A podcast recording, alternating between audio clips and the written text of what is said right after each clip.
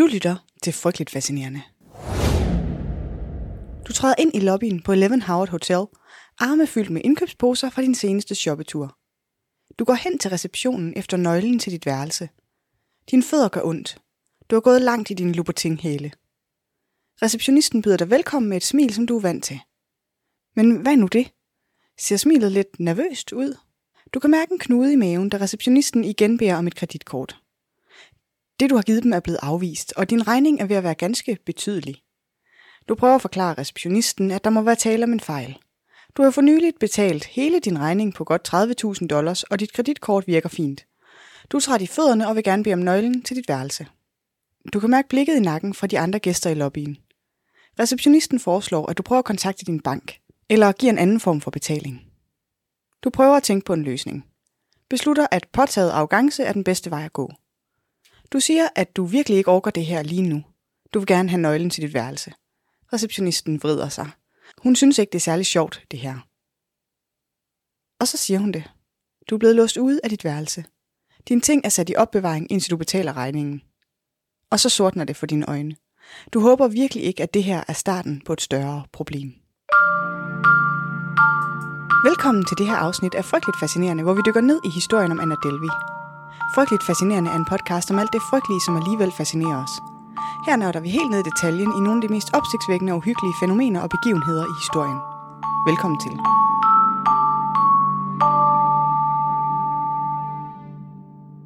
Ah, scams. Jeg elsker et godt scam. Sådan nogle fedt højben typer, der spiller højt spil. Det er en af mine helt, helt store fascinationer. Og i dag skal det handle om en af de måske bedste skamere i verden. Og bevares, det er svært at sige, for der er fandme mange gode. Men en af mine yndlings så, Anna Delvi. Anna Delvi, eller Anna Sorokin, som hun er døbt, bliver født i Rusland i 1991.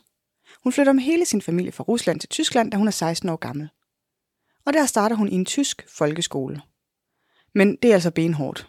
Og bevares, det er altid hårdt at gå i folkeskole. Hvis du går i folkeskole, eller bare i skole, så hold ud. Det hele skal nok blive nemmere. Men for Anna i Tyskland, der er det altså lige lidt ekstra hårdt.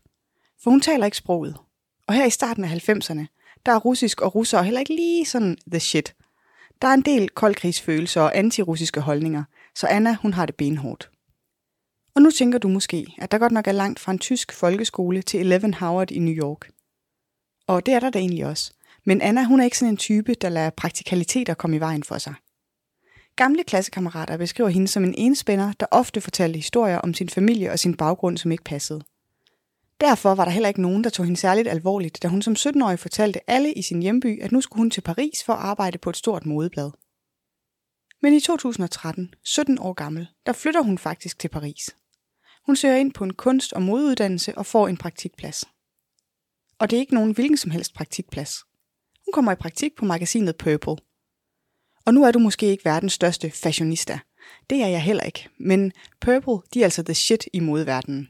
Virkelig, virkelig. Men altså, det er en praktik. Ulønnet. Så Anna, hun er rimelig meget nederst i hierarkiet. Henter kaffe og blander salater og rydder af. Det er ikke en branche, hvor man får meget forærende. Heldigvis for Anna, så er hun heller ikke en type, der har brug for at få alt muligt forærende. Så kort efter, at hun får jobbet, marcherer hun sig selv ind på medstifter Olivia Sams kontor. Her introducerer hun sig selv og siger mange tak for muligheden for at arbejde på bladet. Med en meget lav grad af interesse vifter Olivier hende af og siger noget i retning af, at han ikke har noget med ansættelsen af praktikanter at gøre, og han derfor ikke er den rette at takke. Og for at du lige kan se for dig, hvad det er, vi har med at gøre her, så luk øjnene en gang. Hvis det er forsvarligt. Du skal ikke lukke dem, hvis du kører bil eller hakker løg eller noget. Men forestil dig en mand i starten af 50'erne. Masser af mørke skægstube, masser af mørkt hår. Han ligner på en måde sådan en snusket Johnny Depp, med mindre eyeliner og længere hår. Han går i stramme jeans og læderjakker og Ray-Ban solbriller, også indenfor. Han er med andre ord lidt en type. Og nu er han altså en af Paris' mest indflydelsesrige fashion-typer. Så du kan måske forestille dig den energi, som Anna træder ind i på hans kontor. Og ja, han er ikke som sådan interesseret i praktikanter på Purple, medmindre han skal have hentet en kop kaffe. Men Anna, hun formår alligevel at fange hans interesse. For hun fortæller ham, at hun alligevel skylder ham en tak. For det er hans fortjeneste, at hun er kommet ind på kunst- og modeuddannelsen på St. Martins.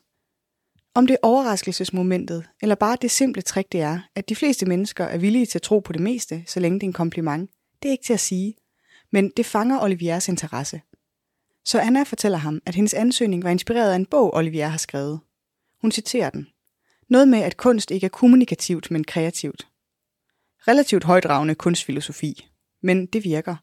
Og Olivier inviterer hende til en kunstudstilling i Paris med en prominent kunstner sammen med flere af Paris' helt, helt A-liste kulturelite. Inden hun går ud af kontoret, beder Olivier hende om at gentage sit navn. Anna Delvi.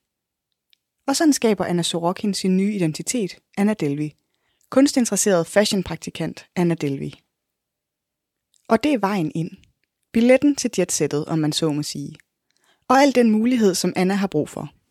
Derfra så bygger hun sin nye personlighed og status. Hun napper et par billeder fra arrangementet med Paris' jetsættere, Minkler. Hos Purple arbejder hun sig fra rollen som praktikant til rollen som personlig assistent. Samtidig bruger hun sin ansættelse og det statussymbol Purple er til at komme i kontakt med folk fra modeverdenen. På Instagram opbygger hun en helt ny persona.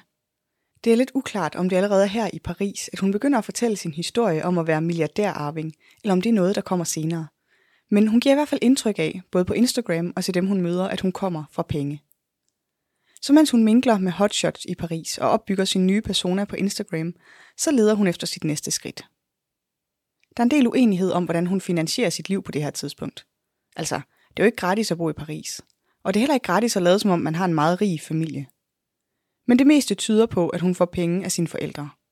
Ikke på milliardærarving-måden, men på ringe hjem og bede om et par tusind kroner måden. Og det er ikke holdbart. 1000 kroner rækker ikke langt i et overklasseliv i storbyen. Så hun skal finde på noget andet. Heldigvis for Anna, så kan man sige, at lykken står den kække bi. I hvert fald, hvis den kække også kommer i kredse af folk, der har alt muligt kørende for sig.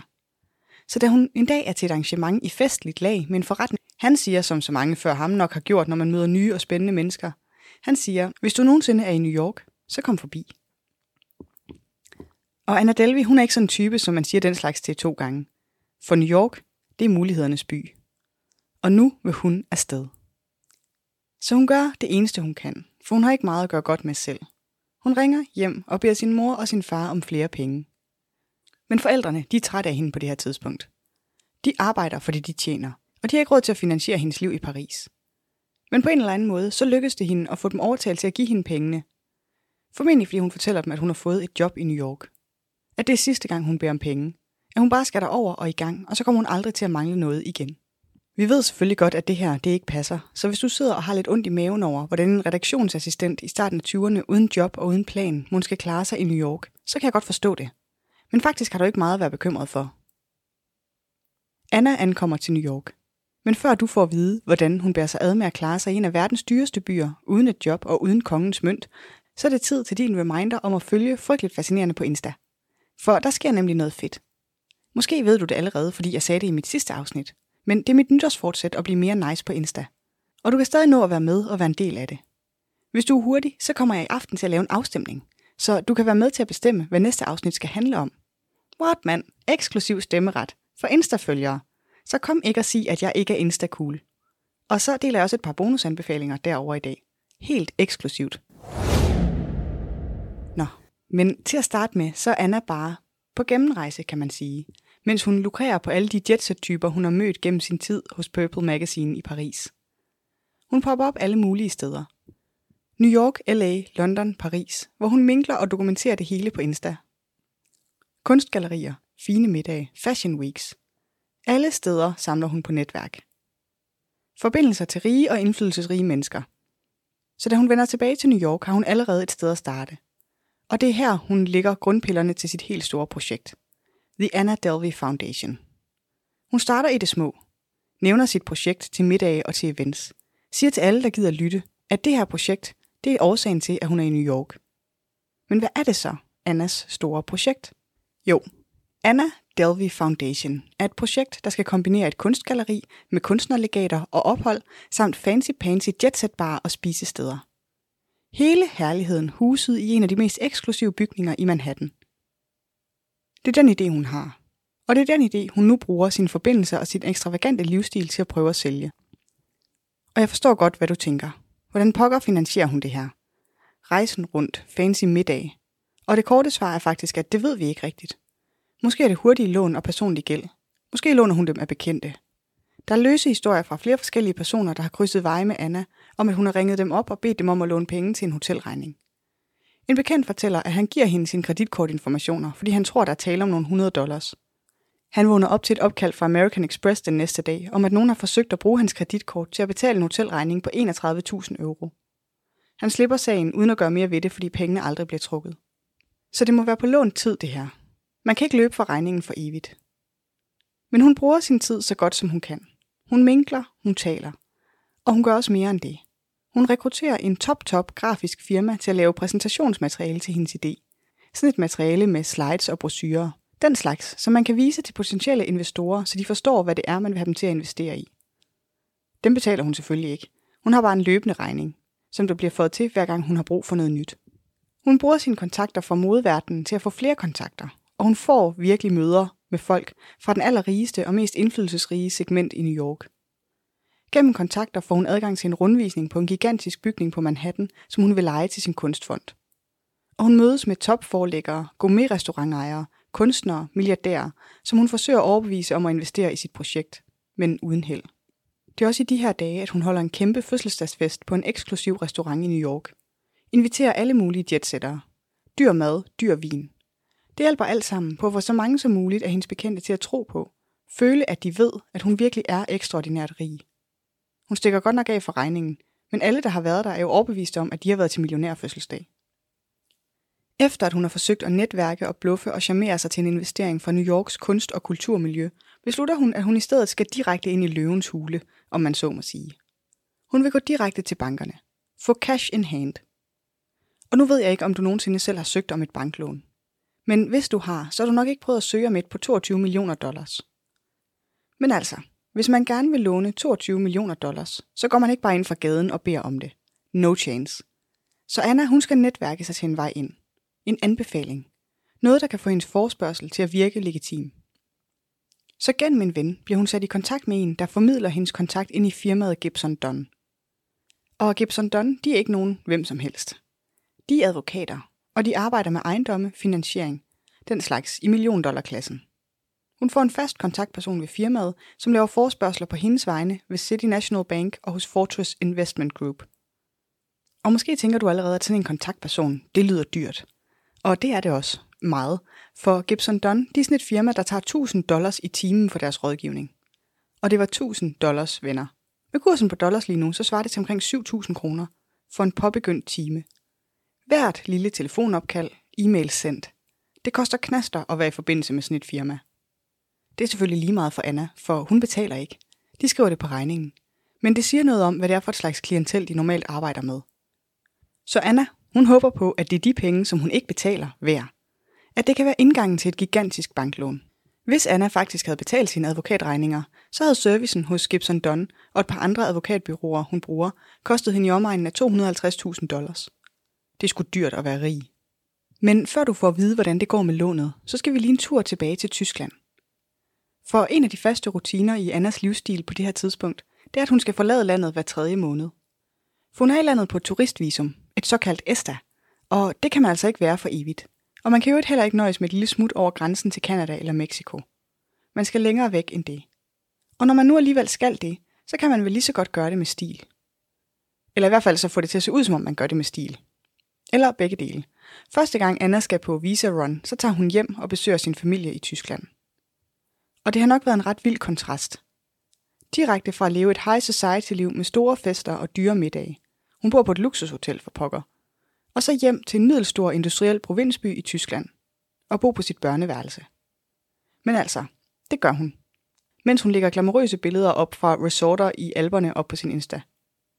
Og hun bruger tiden fornuftigt, mens hun er i Tyskland.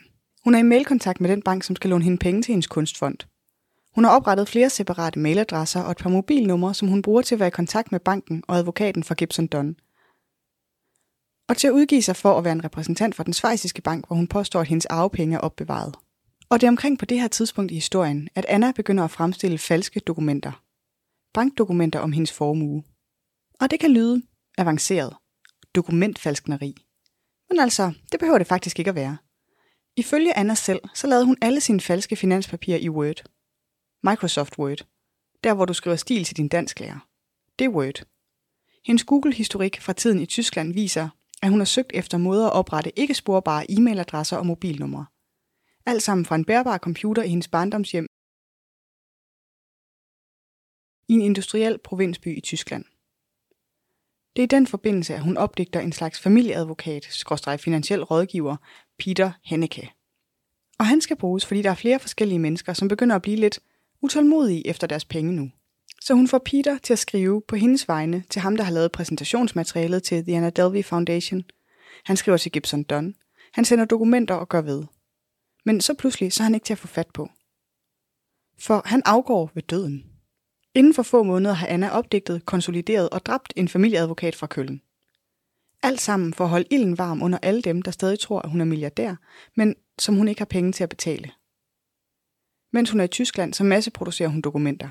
Alle mulige dokumenter, der skal bevise, at hun har en trustfond på mere end 60 millioner euro i Schweiz. Nogle af dem sender hun selv, og nogle af dem sender hun gennem Peter Henneke, før hun slår ham ihjel. City National Bank afviser lånet. Jeg har ikke kunne finde ud af præcis hvorfor, men det gør de. Men Fortress Investment til gengæld. De er ikke sådan lige humør til at lade det, de tror er en milliardærkunde, gå deres næse forbi. Så Annas 1000 dollars i timen advokat fra Gibson Dunn ringer til hende i Tyskland med gode nyheder. Fortress er klar med lånet. Det eneste, de har brug for, er et lille bitte depositum. Ikke noget særligt. Bare 100.000 dollars. For god karma, du ved. Så snart de er overført, så er banken klar til at gå videre med lånet. Og Anna, hun siger bare, super, dem overfører jeg. Honky dory. Det eneste problem er jo bare, at hun stadig ikke er milliardærarving. Faktisk er hun det, man kalder godt gammeldags broke. For hun arbejder ikke. I hvert fald ikke på den måde, der giver nogen form for løn. Hun sidder i sit barndomshjem og er broke. Men det har som bekendt ikke stoppet hende før. 100.000 dollars. Små penge for en milliardær. Hvordan skal hun så lige få fat i det? Og hurtigt, for det skal ikke virke som om det er svært for hende at skaffe pengene. Så hun går tilbage til City National Bank. Dem, som lige har afvist hendes lån. Men den her gang så beder hun ikke om 22 millioner. Så det virker helt beskeden, da hun bare beder om et lille overtræk på 100.000 dollars. Ifølge retsrapporterne, så bruger hun sin trustfond som sikkerhed. Hun kommer til at dække overtrækket om ganske, ganske kort tid. Lige så snart hun har fødselsdag, så får hun adgang til sine millioner. Så banken, selvom de er lidt skeptiske, for altså nu hun om kort tid er millionær med mere end 60 millioner euro i sin besiddelse, så er hun ikke lige frem den slags kunde, som en bank har lyst til at miste, fordi man har fornærmet hende. Så efter et par dage, så tigger der moneter ind på Annas konto i City National. 100.000 dollars. Det må alligevel have været en ret vild følelse. På det her tidspunkt der er det flere år siden, at hun genopfinder sig selv som Anna Delvi. År, hvor hun har løbet for regningen, har fået andre til at betale for sig. Og nu har hun pludselig 100.000 dollars til sin rådighed. Det må alligevel have gibbet lidt i hende. Det er sgu mange penge. Man kan ikke lade være med at tænke på, om hun må et øjeblik overvejer at hæve pengene. Om hun tøver, før hun sender det hele over til Fortress som depositum, og derfor igen er broke. Eller om hun bare målrettet ser det som endnu et skridt på vejen. Under alle omstændigheder, så gør hun det i hvert fald. Overfører alle pengene til Fortress. Og så tripper hun ellers bare nervøst efter at få lånet gennemført. Kort efter, så modtager hun et opkald fra sin kontaktperson hos Gibson Dunn. Og han har gode nyheder. Der er ikke mere, hun behøver at gøre. Lånet går igennem hurtigst muligt. Der er bare en lille bitte formalia ting, de skal have klaret. De skal sende en repræsentant fra banken til Schweiz, som skal mødes med en fra banken der. Ren procedure. Ups. For man kan komme langt med falske e-mails og mobilnumre, dokumenter man har lavet i Word. Men et fysisk møde med en bankrepræsentant, der ikke findes, det er umuligt. Så hårdt presset og uden andet valg beslutter Anna sig for at droppe ansøgningen. Til Fortress siger hun, at hendes far vil finansiere projektet i stedet. Men det er for sent at få de 100.000 tilbage. Fortress har allerede nappet 45.000 af dem til procesudgifter. Igen, citationstegn her. Jeg ved ikke, hvordan processen kan koste så meget. Det er dyrt at være rig. Så hun overfører de resterende 55.000 til sig selv for at sikre dem. Og fordi hun kun gør ting med stil, og fordi det er ved at være på tide for hende at tage tilbage til New York, så booker hun en billet på første klasse og rejser tilbage. Da hun ankommer, så tjekker hun ind på Eleven Howard. Det er sådan et hotel, hvor en overnatning i den suite, hun tjekker ind i, koster 16.000 kroner. Ved check-in spørger Anna efter hotellets ejer Abby Rosen. Der er ikke noget, der tyder på, at hun decideret kender ham på det her tidspunkt, men det har selvfølgelig signaleret til hotelpersonalet, at hun er betydningsfuld. Og så er det jo også Abby Rosen, der ejer den bygning på Manhattan, hvor hun forestiller sig, at hendes kunstfond skal have til huse. Så måske hun også har tænkt på, at et par uger med ekstravagant livsstil på hotellet kan overbevise ham om, at hun er god for pengene, så hun stadig kan være i betragtning til at lege bygningen. Hvem ved? I hvert fald så lever hun the good life på Eleven Howard. For nu har hun jo faktisk lidt penge, der kan understøtte forestillingen om, at hun er rig. Ikke nok til at dække hendes udgifter, bevares, så dem betaler hun ikke. Til gengæld så giver hun 100 dollars sedler i drikkepenge. Hun kommer tilbage fra shoppeture, sådan helt Pretty Woman-agtigt med hænderne fulde af designerposer.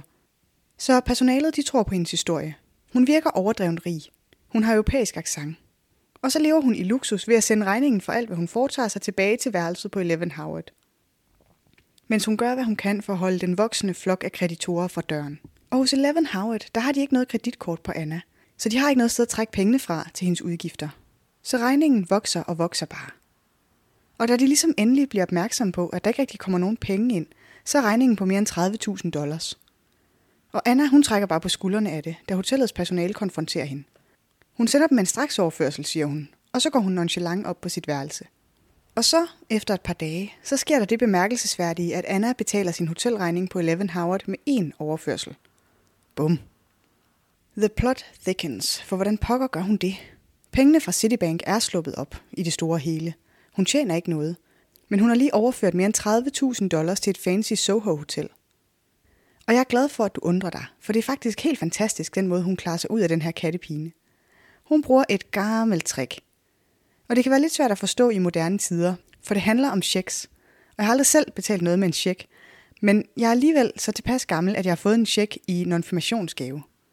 Men checks er altså sådan en betalingsform, hvis du er fuldstændig Gen Z og ikke ved, hvad det er, jeg fabler om. Så det Anna gør, det er, at hun udskriver en masse checks til sig selv til en samlet værdi af 160.000 dollars. Og så sætter hun dem ind på en konto. Også hos Citibank faktisk. Og så hæver hun så mange penge, som hun overhovedet kan, før det går op for banken, at de checks, hun har sat ind, ikke har dækning. Hun ender med mere end 70.000 kroner som et resultat af det nummer. Og det er ret bemærkelsesværdigt, for det lyder næsten for nemt. Det Anna udnytter her, det er den tid, det tager for to banker at udveksle information. I gamle dage var det en langsom proces. Kunne tage flere dage. I dag, hvor alting er digitaliseret, går der mindre end 24 timer. Men alligevel, det virker som et ret vildt smuthul at have åbent. Men det gør i virkeligheden ikke så meget. For for langt de fleste mennesker, så er det alt, alt for risikofyldt. Du gør det formentlig med en bankkonto i dit eget navn, for du skal have direkte adgang til den. Så sporbarheden er enorm. Du bliver opdaget. Men for Anna så har situationen nok været relativt desperat på det her tidspunkt. Det eneste hun egentlig har, er folks tro på, at hun er rig. Så den facade er hun for alt i verden nødt til at opretholde. Også selvom det betyder, at hun sætter til på gyngerne og stjæler resten fra karusellen. Men hun stopper ikke ved de tiltag, som hun regner med at kunne skrabe penge sammen med. Overhovedet ikke faktisk. Hun tager også nogle ret vilde chancer undervejs. Chancer, som ikke virker til at have det største payoff i verden. I hvert fald ikke sammenlignet med risikoen. Men det hele er ligesom hele tiden go big og go home. En af de mest spektakulære numre er det, jeg kalder, jeg kender direktøren stik mig et privatflytrækket. Og ganske som navnet antyder, så er jeg kender direktøren stik mig et privatflytrækket et trick, hvor man ved at påstå, at man er milliardærarving og jo ikke kender direktøren, får snydt sig til at chartre et privatfly uden at betale. Og hun gør det sådan ret umotiveret. Lad mig lige sætte scenen her. Hvert år så holder Warren Buffett, som er sådan en hyperrig milliardærtype, han holder et shareholder-møde for alle dem, som er en del af hans virksomhed Berkshire Hathaway. Det holder han i Omaha, Nebraska, og det er virkelig et elitært arrangement. Hvis du er der, er du enten absurd rig eller absurd magtfuld, men formentlig er du begge dele. Og hvis du overhovedet befinder dig i nogen form for jetset-kredse, hvis du har nogen form for penge overhovedet, så ved du, hvad Warren Buffetts shareholder-møde er. Det er toppen af poppen i finansverdenen. Så Anna, hun vil selvfølgelig med – og vigtigst af alt, så vil hun have, at alle tror, at hun skal med. Det er sådan noget, der virkelig giver street cred i overklassen. En måde at vise, at man er bedre til at være superrig end alle de andre. Så hun siger til alle, hun kender, at hun skal afsted. Hun siger det til alle sine rige venner, til sine knap så rige venner, til alle, der gider lytte faktisk. Word around town er, at Anna Delvey skal til Warren Buffetts konference om middag i Nebraska.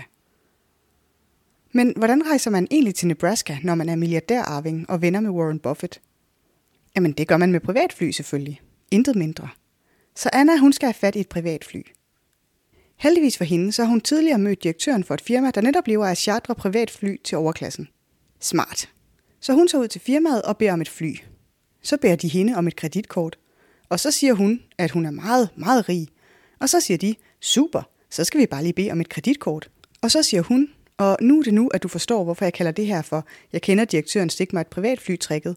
For nu siger hun, jeg kender direktøren stik mig et fly. Og det er faktisk rigtigt nok. Sådan da. Hun har i hvert fald mødt ham før. Til en fest, og hun har fortalt ham om sin kunstfond og sin arvemillioner og det hele. Så de ansatte, de ringer til direktøren og siger, at her står Anna Delvey, og hun skal bruge et fly, fordi hun skal til Warren Buffett arrangement. Men hun vil gerne betale med en wire-overførsel. Og så siger direktøren, jep, jep, jeg kender Anna, stik hende et fly. Og sådan går det til, at Anna hun flyver med et privatfly til Nebraska, uden at betale en krone for det. For som du har gættet, så kommer der ikke nogen wire-overførsel. Men nu er Anna så i Nebraska, og selvom man godt lidt kan glemme det i alt det her hul om hej, så er hun jo faktisk ikke shareholder hos Warren Buffett. Så der er faktisk en del tvivl om, hvad Anna egentlig foretager sig i Nebraska, efter hun er steget af det chartrede privatfly. Måske havde hun regnet med, at hun kunne komme ind til konferencen med af sine numre. Det havde hun nu nok. Men så vidt vi ved, så lykkedes det ikke. Der er ingen billeder af hende, hverken fra konferencen eller middagen. Men hun er i Nebraska i flere dage. Venner fra hendes jetsat-tid i New York har senere spekuleret i, at hun brugte tiden i Nebraska på at gå i byen og en tur i zoologisk have. Men altså, træerne vokser ikke ind i himlen. Og siden hun ikke har betalt for privatflyet til Nebraska, så nægter firmaet at flyve hende tilbage. Men på en eller anden måde, så kommer hun tilbage. Til New York og til Eleven Howard. Selvom hun kun ganske få uger forinden betalte dem alt, hvad hun skyldte, så har hun stadig ikke givet dem et kreditkort. Selvfølgelig har hun ikke det. Hun har ikke noget kreditkort, hvor der er penge på. Så hun skylder dem igen penge, og da hun kommer tilbage til hotellet, har de låst hende ude af værelset. Og desværre for dig, så er det her, vi forlader Anna. Netop tilbage i New York, efter hun overhovedet ikke har været til Warren Buffett-konference. Og nu med gæld til en bank, en lang række privatpersoner, et designfirma og flere forskellige hoteller og et privatflyfirma, og låst ude af sit værelse på Eleven Howard. For her slutter afsnit 40 af Frygteligt Fascinerende desværre allerede.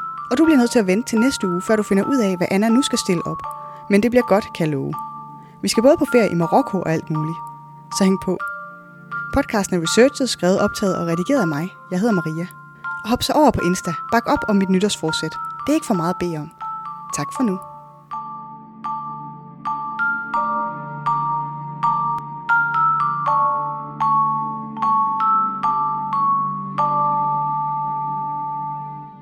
I researchens-afsnittet har jeg brugt oplysninger fra podcasten Fake Ares, Rolling Stones Magazine, page 6, Wikipedia –